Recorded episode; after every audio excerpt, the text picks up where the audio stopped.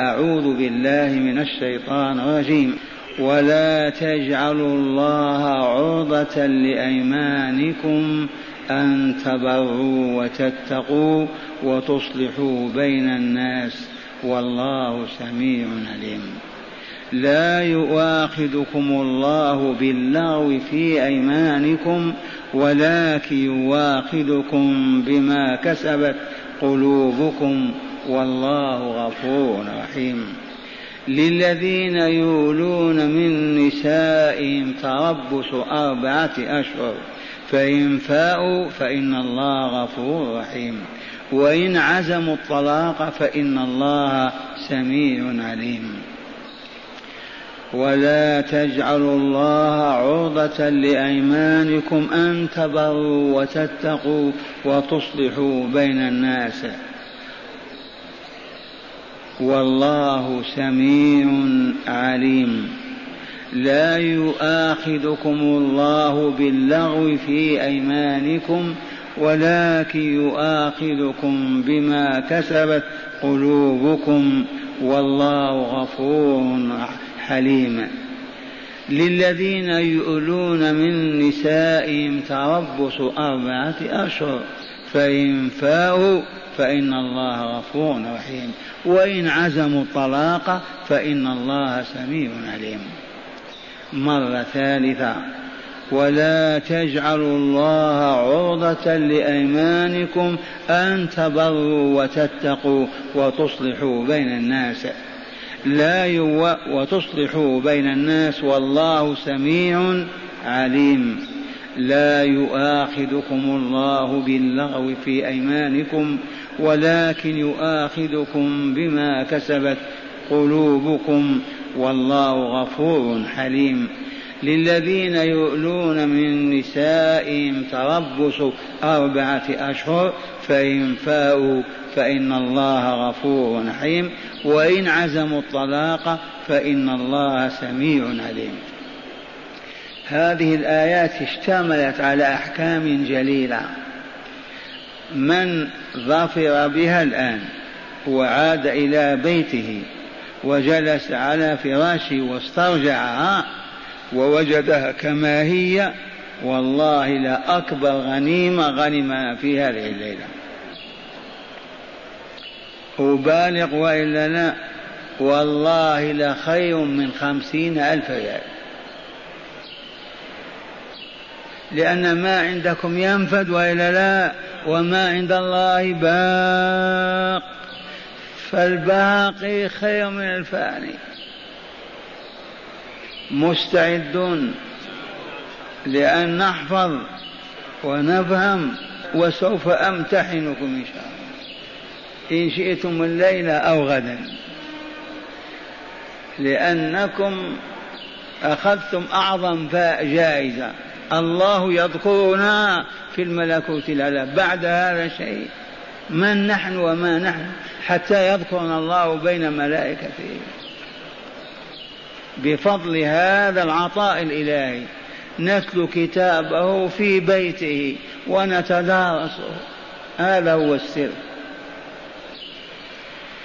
أولا لهذه الآية في نزولها سبب. ولا تجعلوا الله عرضة لأيمانكم أن تبروا وتتقوا وتصلحوا بين الناس والله سميع عليم. هذه الآية لها سبب في نزولها. قيل أنها نزلت في أبي بكر الصديق رضي الله عنه. لما حدثت حادثة الإفك وكرب الصديق ورسول الله والصديق والمؤمنون بتلك الشائعة التي ما أكثرها اليوم أو بعد اليوم. فالصديق حلف بالله ألا يطعم ابن خاله.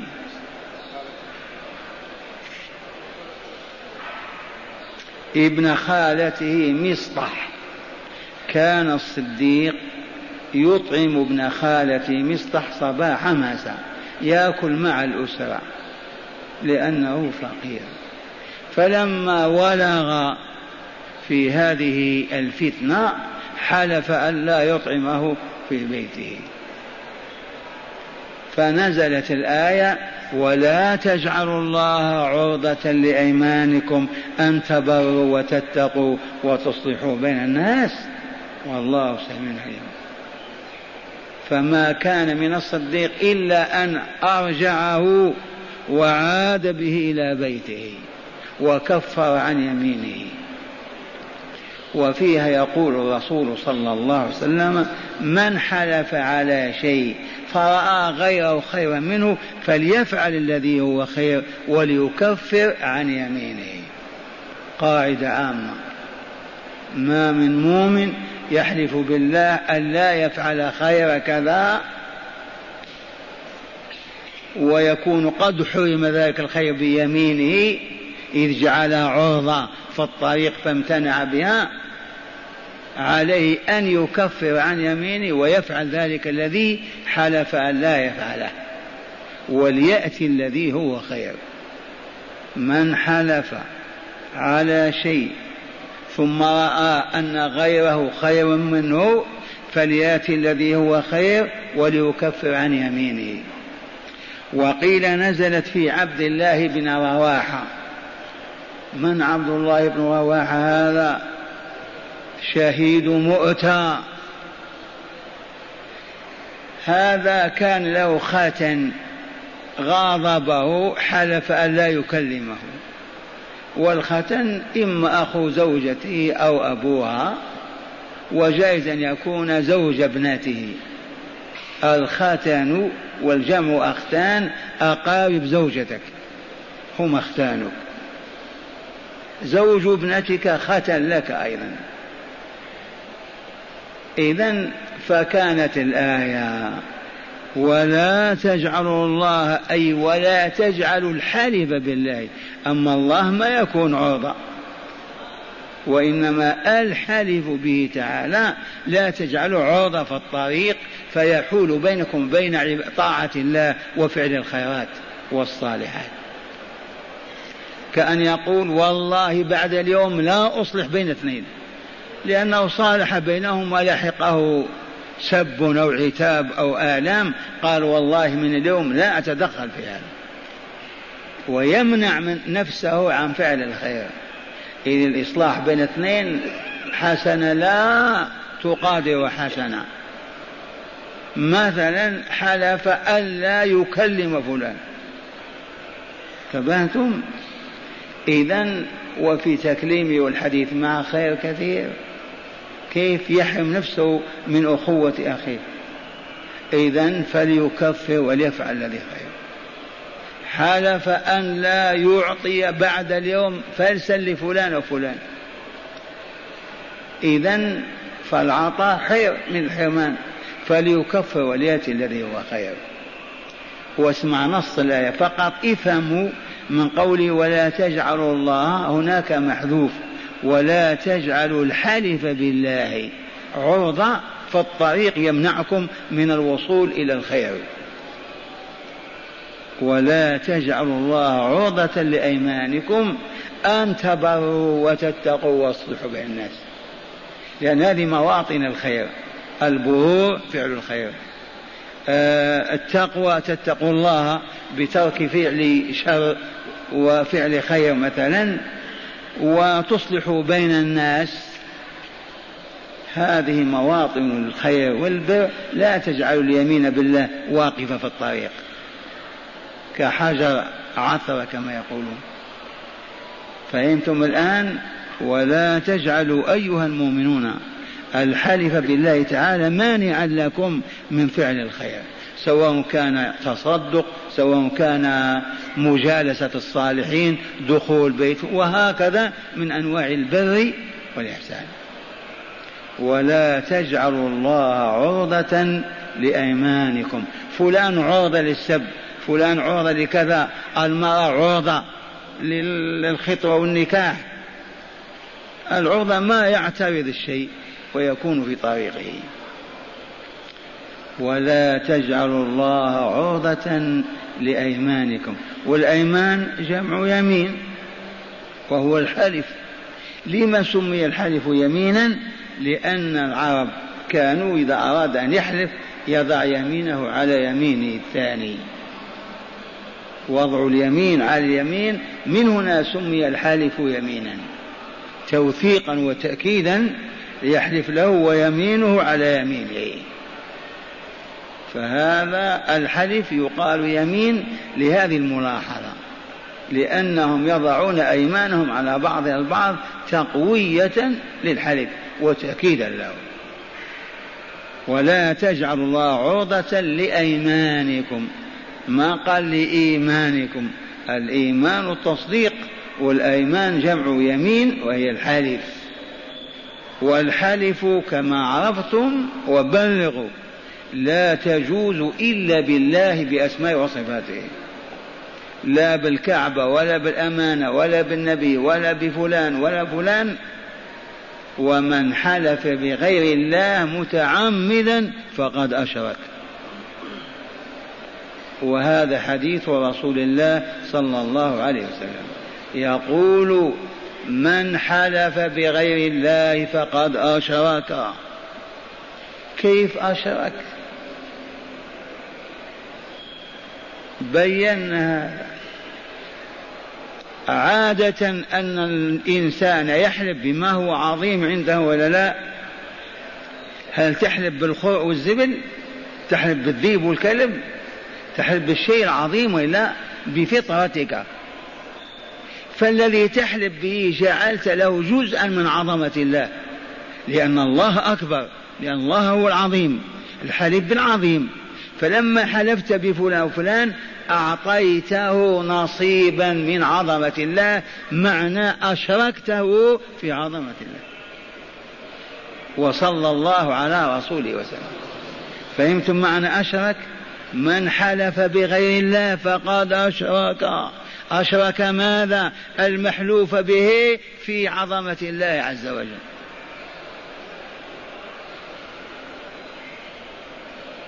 وأين إخواننا المصريون؟ والنبي والنبي دائما على ألسنتهم. لما أنبئه في الموسم في الكرسي يقول لي والنبي ما نزيد قلت له يا بني لا تقل والنبي لا تحلف انتبه. حتى ولو جرت على لسانك جاهد نفسك. لا تقل. لي والنبي ما نزيد بعدها. هي هي. ولهذا لما شاهد أبو القاسم هذه الظاهرة في المؤمنين الذين عاشوا سنين يحلفون بالعزى أو باللات أو منات كونه أسلم من عامين ثلاثة ما يستطيع تجري على لسانه. ما يقدر. واللات فقال صلى الله عليه وسلم من حلف باللات أو العزى فليقل لا إله إلا الله. فهذه مادة الإصلاح. أيما مؤمن جرى على لسانه وحق فلان وراس فلان والطعام بدون قصد. لما يعرف أنه وقع يقول لا إله تمحها وأتبع السيئة الحسنة تمحها هذا علاج لمن تعود من فطرته وصغره يحلف بغير الله. لا يريد أن يعظم ذاك الشيء فقط يحلف فما هو العلاج؟ لا إله إلا الله.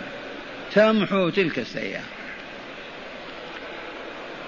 إذا ولا تجعلوا الله عرضة لأيمانكم أن تبروا وتتقوا وتصلحوا بين الناس والله سميع لأقوالكم عليم بنياتكم. سميع لأقوالكم عليم بنياتكم وأفعالكم. إذا فاحذروا لا تجعلوا اليمين بمانع من الخير. آه مع الأسف أنا حلفت ألا أحضر الحلقة الفلانية. كفر على يمينك واحضر. امتنعت من خير؟ ثم قال تعالى لا يؤاخذكم لا يؤاخذكم الله باللغو في أيمانكم. ما هو اللغو في الأيمان؟ احفظوا. اللغو الباطل وما لا فائدة فيه. والمؤمنون من أمثالكم عن اللغو معرضون. لا يستقبلون اللغو بل يعطوه ظهورهم. أتدرون ما ضابط اللغو كل قول أو عمل أو تفكير لا ينتج لك ريالا لمعاشك ولا حسن لمعادك فهو لغو. ضابط عجب هذا. جالس يفكر فيما تفكر. إذا كان ما تفكر فيه ينتج لك حسنا لأنك تفكر في عظمة الله وجلاله أو تفكر في ذنوبك وما أصابك. هذا لا بأس. أما تفكر في لا شيء ما ينتج لك ريال ولا حسنة باطل هذا التفكير. غمض عليك ونم أو قوم صلي. تتكلم بالكلمة والكلمات تطيل الكلام وتقصره. هل تحصل على حسنة فيه؟ تدخر ليوم القيامة؟ قال لا. هل تحصل على ريال أو فائدة مالية؟ قال لا. إذا كلامك باطل. لو أعرض عنه واذكر الله عز وجل.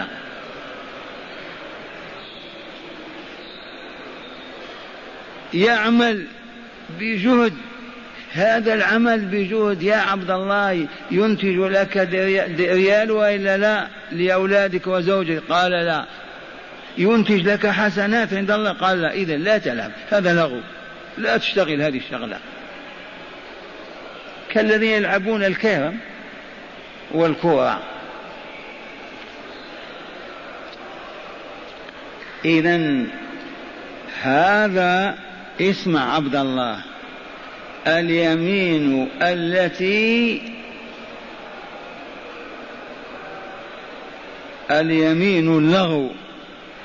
هي التي تحلف على شيء تظنه كذا. ويظهر بعد ذلك خلاف ما ظننت. هذه لغو يمين. مثالها من فضلك أسلفني مئة ريال. تقول والله ما عندي ولا شيء. لأنك تفهم تعتقد ما في جيبك شيء. بعد ما رجعت البيت وجدت في بيتك ألف ريال أو مئة. انتبهت هذه لغو يمين لا تواخذ عليها. حلفت أين إبراهيم سافر؟ والله لقد سافر. بعد رجعت البيت وجدته ما زال ما سافر.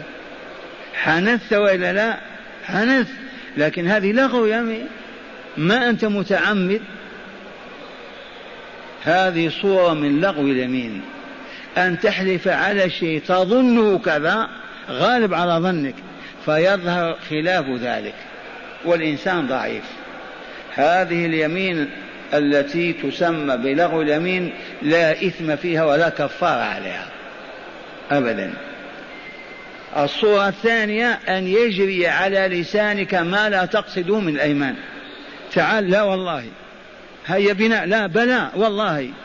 وهو لا يريد اليمين فقط تجري على لسانه. فهذه هي لغو اليمين. لا يواخذنا الله بها. لا يؤاخذكم الله باللغو في أيمانكم. اذا لغو اليمين كم صورة لها؟ نعم صورتان. الأولى أن تظن الشيء كذا فتحلف عليه فيتبين خلاف ما حلف لا إثم فيها ولا كفارة. لقول الله تعالى لا يواخذ الله. الصورة الثانية أن يجري على لسان ديما دائما يحلف. تبهتم بدون قصد. كقول لا بلى والله كذا وكذا. هاتان صورتان. هذه يمين باطلة لغو ولا لا؟ هل فيها كفارة؟ فيها إثم؟ اليمين المكفر المكفرة المكفرة. لها صورتان أيضا. الأولى أن يقول لك والله لا أمشي معك. عازم على ألا تمشي. ثبات والله لأضربن رأسه. عازم وإلا لا؟ ثم ما يستطيع. أو اضطر لأن يمشي. حلف قال والله لا أسافر معك بعد اليوم. أبدا. أي أسك وبعد فترة أضطر إلى أن يسافر. هذه اليمين يواخذ عليها العبد. والثانية أن يقول والله لأفعلن. ينسب القدرة له. والله لأضربن والله لأعطين ويعجز هنا نفسه تتلوث تخبث تحتاج إلى مسحاه آلة تمسحها. لم تلوثت؟ لأنه نسي أنه عبد مملوك لله. لا يستطيع أن يتحرك إلا بإذن الله ولا أن يسكن إلا بإذن الله. فينسى الله يقول لا والله لا أفعل. أنت تملك هذا؟ عندك قدرة؟ أو تقول والله لأفعلن هل أنت قادر على أن تفعل ما تريد؟ أما تقرأ وما تشاءون إلا أن يشاء الله. فلما نسي جلال وعظمة الله وملك الله ارتكب إثما إذن بهذا النسيان فتلطخت نفسه بالإثم فلا يزول إلا بما عين الحكيم ما تزول بهذه الآثام. اللهم إلا إذا اعترف قال والله لا أسافر معك بعد اليوم إلا أن يشاء الله. أو قال والله لا أضربن رأسه إلا أن يشاء الله. ما دام اعترف لا إثم. إذا استثنى هذا ما يسمى بالاستثناء لأن أول مرة وقع في محنة نسي الله. والله لا أذهب. أنت تملك لا تذهب. الذي يملك الله. فلما أصر وما استثنى وعجز واضطر إلى أن يفعل ما حلف عليه تلطخت نفسه بأوضار الذنب والإثم لا تمحى ولا يزول أثرها إلا بالمادة التي وضعها الله. ما هي المادة التي وضعها الله؟ عتق رقبة ما استطاع. كسوة عشر مساكين. ما استطاع. إطعامهم ما استطاع. صوم ثلاثة أيام. مخير. الأول إذا عتق رقبة استراح بستين ألف ريال. ما استطاع يكسو عشرة ثوب وطاقية وإذا كانت مرأة ملاءة وخمار بحيث تصح صلاتها فيها. ما استطاع الكسوة يطعم عشر مساكين. يجمعهم على غدا وعشاء أو يعطي كل واحد كيلو دقيق أو كيلو نصف كله واسع. ما استطاع يصوم ثلاثة أيام. عرفتم من هو هذا الذي يكفر؟ يكفر عن ماذا؟ عن الذنب الذي علق بنفسه لما ادعى أنه يفعل. تفعل أنت؟ قل إن شاء الله أنك تفعل. أو لا أفعل ويحلف. قل إن شاء الله إنك تعجز ما تستطيع. استثني. قل لا أستثني. لا يواخذكم الله باللغو في أيمانكم ولكن يواخذكم بما عقدتم الأيمان من سورة المائدة. فكفارته إطعام عشرة مساكين من أوسط ما تطعمون أهليكم أو كسوتهم أو تحرير رقبة رقبة. فمن لم يجد فصيام ثلاثة أيام. الآن أكثرت عليكم معذورون. لكن اسأل الله أن يفتح يفتح. بقية يمين تسمى الغموس الغموس هذه تغمس صاحبها في بؤرة الإثم من رأس إلى قدميه. الغموس وتغمس في جهنم. سماها أبو القاسم الغموس فعول كثيرة الغمس في الذنوب والآثام ثم في جهنم. ما هي اليمين الغموس هذه التي جاءت في هذه الآية بما كسبت قلوبكم. اليمين الغموس أن يحلف بالله كاذبا ليحصل على فائدة دنيوية. يحلف بالله كاذبا لأجل ماذا؟ ليحصل على ريال وإلا لقمة طعام وإلا منصب أو حاجة. قل والله ما رأيت فلانا وهو بيت معه. من أجل غرض يحصل عليه. هذه اليمين اليمين الغموس فقهاء الإسلام منهم من يقول لا كفارة لها أبدا. لو تصوم ألف عام ما ينفع. إلا أن تتوب. فتقول إني حلفت كاذبا. وخذوا ما أخذته منكم. فترد الحقوق إلى أصحابها وتفضح نفسك أمامهم وتستغفر الله وتوب إليه. هذه الكفارة. أما أن تحلف كاذبا لفائدة دنيوية تقول أنا نكفر ما ينفع. لو تصوم الدهر كله. حتى ترد الحق لأصحابه الذي أخذته باليمين الكاذبة. ومن أهل العلم يقول لا خلي كفر أيضا. تخفيف على الأقل. انتبهتم ولا لا؟ خليه كفر كالكفارة على اليمين الأخرى. وإن كان هذا ما يكفي لكن شيء خير من لا شيء. انتبهتم لهذه ولا لا؟ من أهل العلم من أهل العلم؟ علماء الإسلام ما هو الحاضرون؟ من يقول كفارة الغموس ما فيها كفارة. معنى ما تنفع. حتى تعلن عن توبتك وتقول لفلان أنا كذبت عليك. لآخذ مالك أو لآخذ كذا وكذا. خذ مالك أو هذه رقبتي اضربها. هذا الذي يكفرها. ومع هذا إذا ما فعل ماذا يصنع؟ على الأقل يكفر كفارة منه. إطعام عشر مساكين أو عتق رقبة أو كسوة أو صيام. هذه الأيمان الأربعة. هل في الإمكان حصرها؟ أولا قلنا يا عباد الله لا تجعلوا اليمين بالله مانع لكم عن الخير. انتبهوا. فإذا حلفت أن لا تصالح بين اثنين أو أن لا تعتمر أو لا تسافر مع فلان أو لا تتصدق أو كذا كفر عن يمينك وافعل الخير. أخذا بقول ربنا ولا تجعلوا الله عرضة لأيمانكم أن تبروا وتتقوا وتصلحوا بين الناس. هذه يمين فرغنا منها. جئنا إلى اللغو اليمين.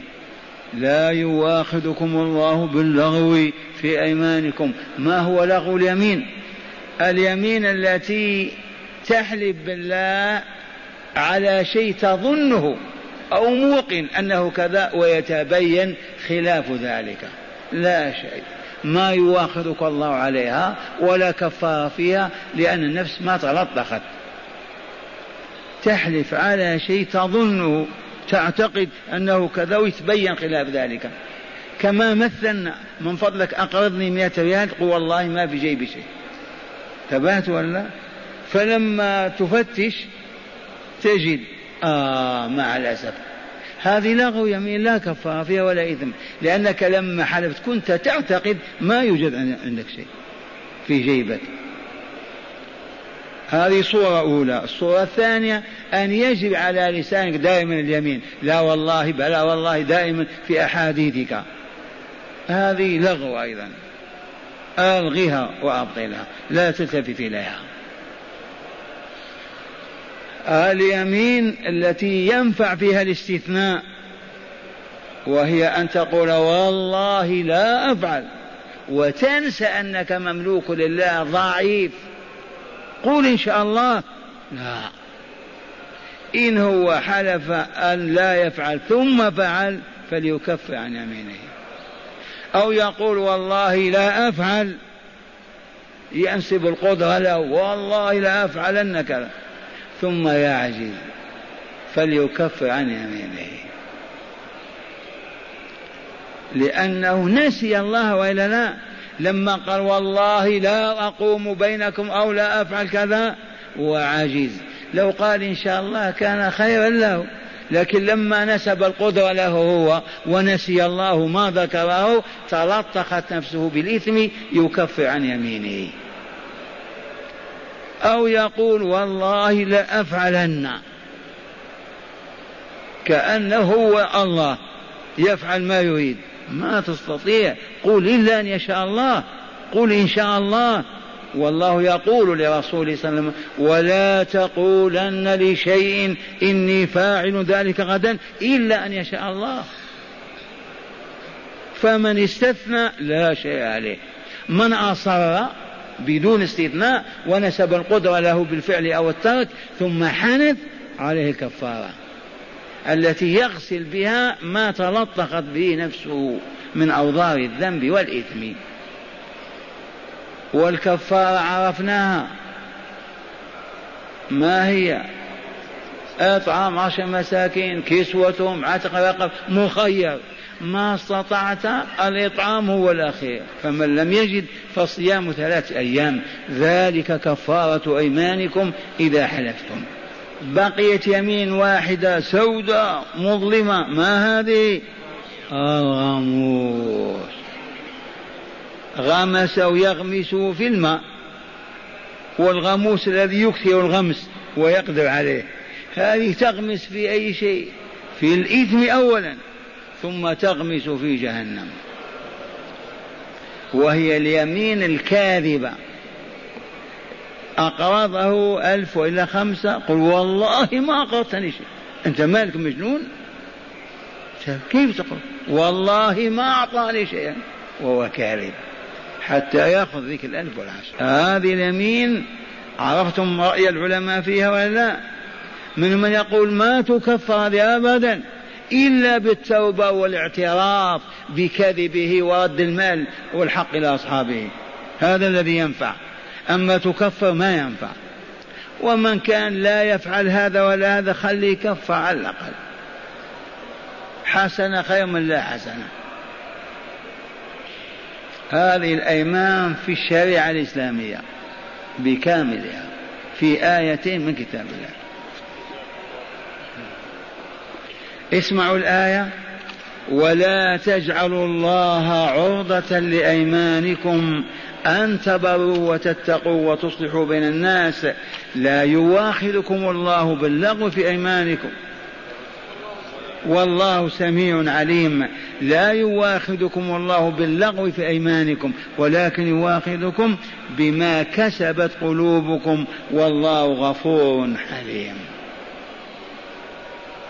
كيف أيها الأبناء والإخوان وأيتها المؤمنات عرفنا الأيمان؟ يمين اللغو يمين الغموس يمينان مكفرتان أربعة. يمين لغو لا قيمة لها عفى الله عنا لا يواخذكم الله باللغو في أيمانكم. يمينان وهو أن نفعل.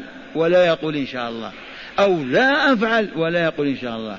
هذه فيها كفارة. يمين أخرى الغموس لا ينفع فيها إلا التوبة النصوح. ياتي يقول لقد حلفت كاذبا من أجل أن نأخذك خذ حقك وأنا تاب إلى الله. يكفر لا بأس. قال غير مالك يكفر.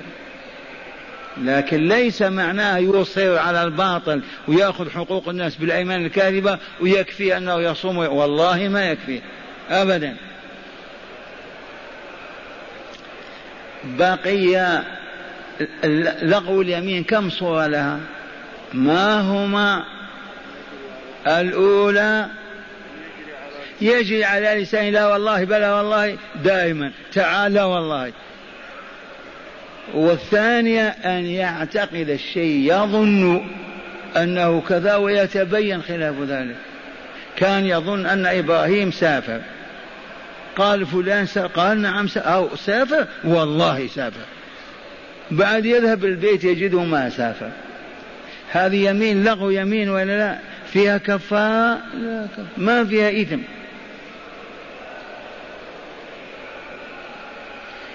الحمد لله. بقيت مسألة في الآية الأخيرة هذه ذات شأن وهي قوله تعالى للذين يولون من نساء ما دام ذكر الأيمان ذكر بالمناسبة أن يحلف الرجل يقول والله لا أطأك.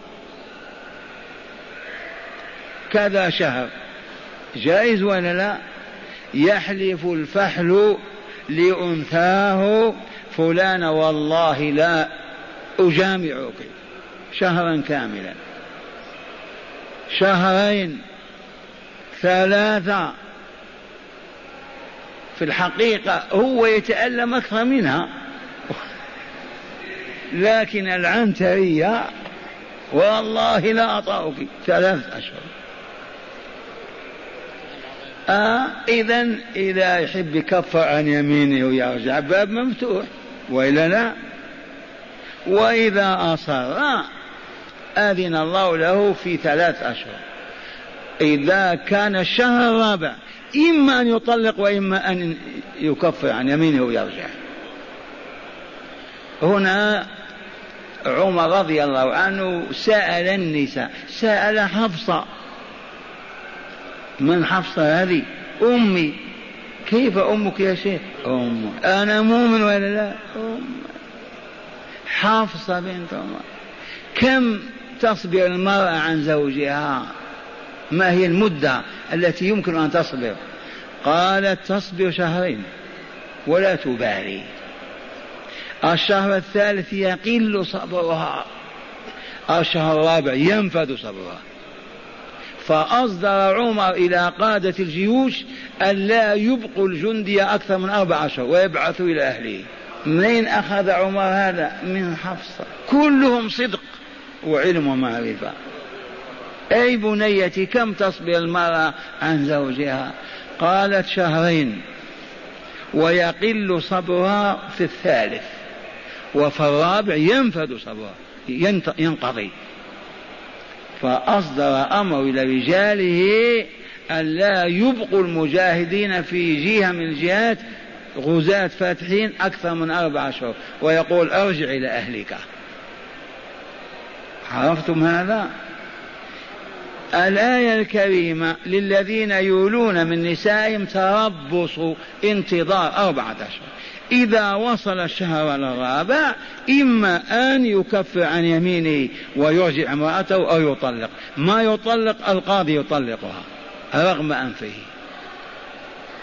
عرفتم؟ مرأة حلف زوجها على أن لا يعطأها ست أشهر أو عام أو خمس أشهر. إذا وصلت الشهر الرابع ترفع أمرها إلى القاضي إما أن ترجع وإما أن يطلقها. واسمع الآية للذين يؤلون من نسائهم أزواجهم يعني تربص لهم تربص أربعة أشهر فإن فاءوا أي رجعوا إلى وطئ نسائهم فإن الله غفور لهم رحيم.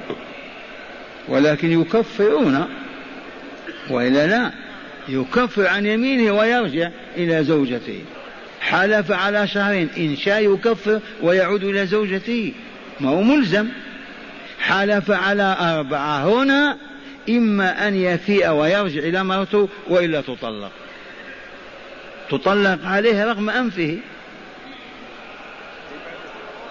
بعد أه؟ أي يبدأ في الرابع. اسمع الآية. للذين يؤلون من نسائهم تربص أربعة أشهر. انتبهتم ينتظرون يتربص أربعة أشهر. ينتظرهم الزوجة تنتظر أبوها القاضي. فإن فاءوا فاء يفيء الظل رجع ولا لا؟ فإن فاءوا بمعنى رجعوا إلى نكاح أزواجهم فإن الله غفور رحيم يغفر لهم ويرحمهم. إن عزموا الطلاق فما الذي وجب الطلاق؟ ما دام ما وطئها أربعة أشهر كملت الأربعة أشهر أبى أن يطأ ويكفر إذا فالطلاق واجب. المرأة تطالب بالطلاق والقاضي ينفذه لقوله وإن عزموا الطلاق فليطلقوا فإن الله سميع. أما أن لا يطلق ويبقى لا يطأها بعد أربعة أشهر هذه مؤمنة هذه ما يرضى الله بأذية أمته. قال وإذا كانت هي التي ما تريد النكاح. هي التي هربت غاضبته. هذه هو يدعوها. أنت عالي أنت عالي أنت عالي. أربع سرماجي يمنع عليها الطعام والشراب لا يبعث لها لا بكساء ولا بطعام. شابدة نافرة منه حتى تعود. أما هو فقط يعرض عنها ويتركها ما يجوز. يدعوها تعالي ارجعي.